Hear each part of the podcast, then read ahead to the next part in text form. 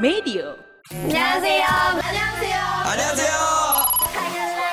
It's time 깜짝이야 꼬레야. 깜짝이야 꼬레야. 안녕하세요.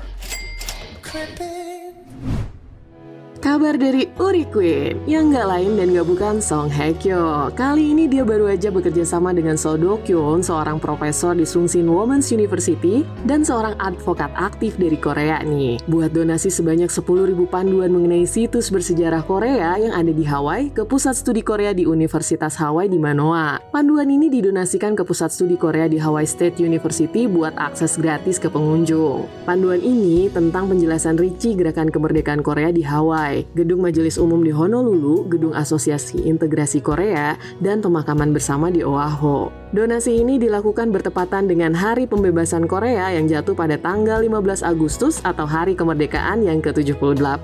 For your information, Hawaii itu tempat di mana komunitas Korea berperan menggalang dukungan finansial buat gerakan kemerdekaan selama penjajahan Jepang di Korea. Makanya, donasi dari Song Hye Kyo ini berarti banget apalagi buat Korea Selatan sendiri. Ternyata Song Kyung Duk dan Song Hye Kyo udah turut donasi panduan terkait situs bersejarah Korea selama 12 tahun terakhir, termasuk 34 lokasi di seluruh dunia, kayak di Pusat Kebudayaan Korea di Paris, sama di Museum Peringatan Perdamaian di Otoro, Jepang.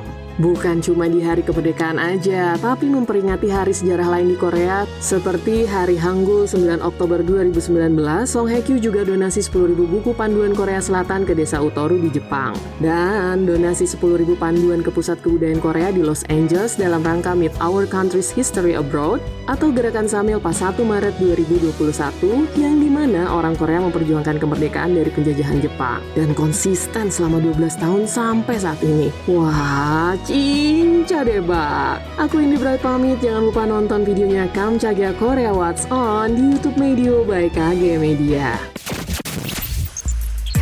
Tungguin episode selanjutnya ya. Kamsahamnida.